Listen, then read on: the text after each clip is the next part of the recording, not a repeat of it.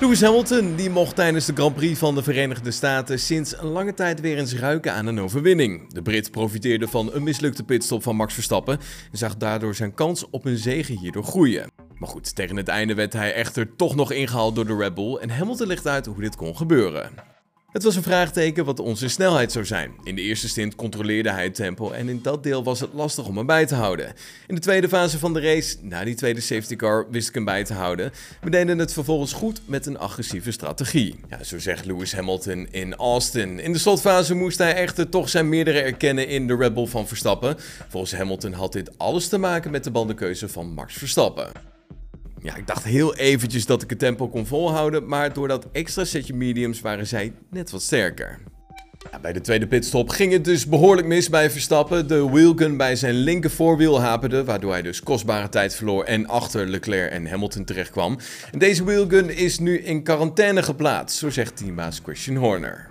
Red Bull heeft dus het constructeurskampioenschap van 2022 op zijn naam geschreven. Het team van Max Verstappen en Sergio Perez won de Grand Prix van de Verenigde Staten en zag Ferrari met alleen Charles Leclerc in de top 10 eindigen. Ferrari ziet Mercedes 14 punten dichterbij komen en heeft P2 zeker nog niet volledig in handen, terwijl de strijd om P4 tussen Alpine en McLaren ook nog spannend is.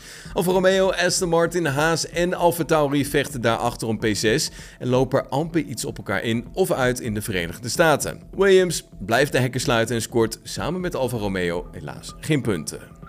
Ja, IndyCar-kampioen Alex Palou die mocht tijdens de eerste vrije training in Austin plaatsnemen in de McLaren van Daniel Ricciardo. En de Spanjaard die hoopt natuurlijk op een zitje in de koningsklasse, maar weigert een rol als fulltime reservecoureur aan te nemen. hij wil niet zijn actieve racecarrière stopzetten om als volwaardig reservecoureur aan de slag te gaan, maar een kans, zoals de Vries die kreeg in Italië, zal hij met beide handen aangrijpen. In gesprek met het Spaanse AS vertelt hij over zijn toekomst. Ik wil graag winnen en in de IndyCar kan ik winnen, dus daar kan ik niet over klagen. Het is waar dat de Formule 1 een heel ander niveau is. En als die kans komt, ja, dan moet je die pakken. We hebben het gezien met de Vries, die er niet was en nu ineens wel.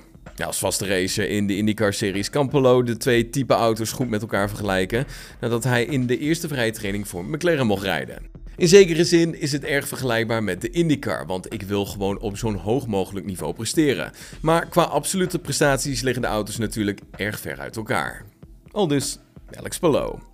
Ja, sluit hem af met Porsche en Williams, want uh, Porsche gaat mogelijk toch nog haar intrede doen in de Formule 1 vanaf 2026, ondanks de afgeketste deal met Red Bull Racing. De Duitse sportwagenfabrikant zou dicht bij een akkoord zijn met het Formule 1-team van Williams. Het zou de volgende race in Mexico wellicht al bekendgemaakt kunnen gaan worden, zo meldt Jack Ploy bij het racecafé van Ziggo Sport.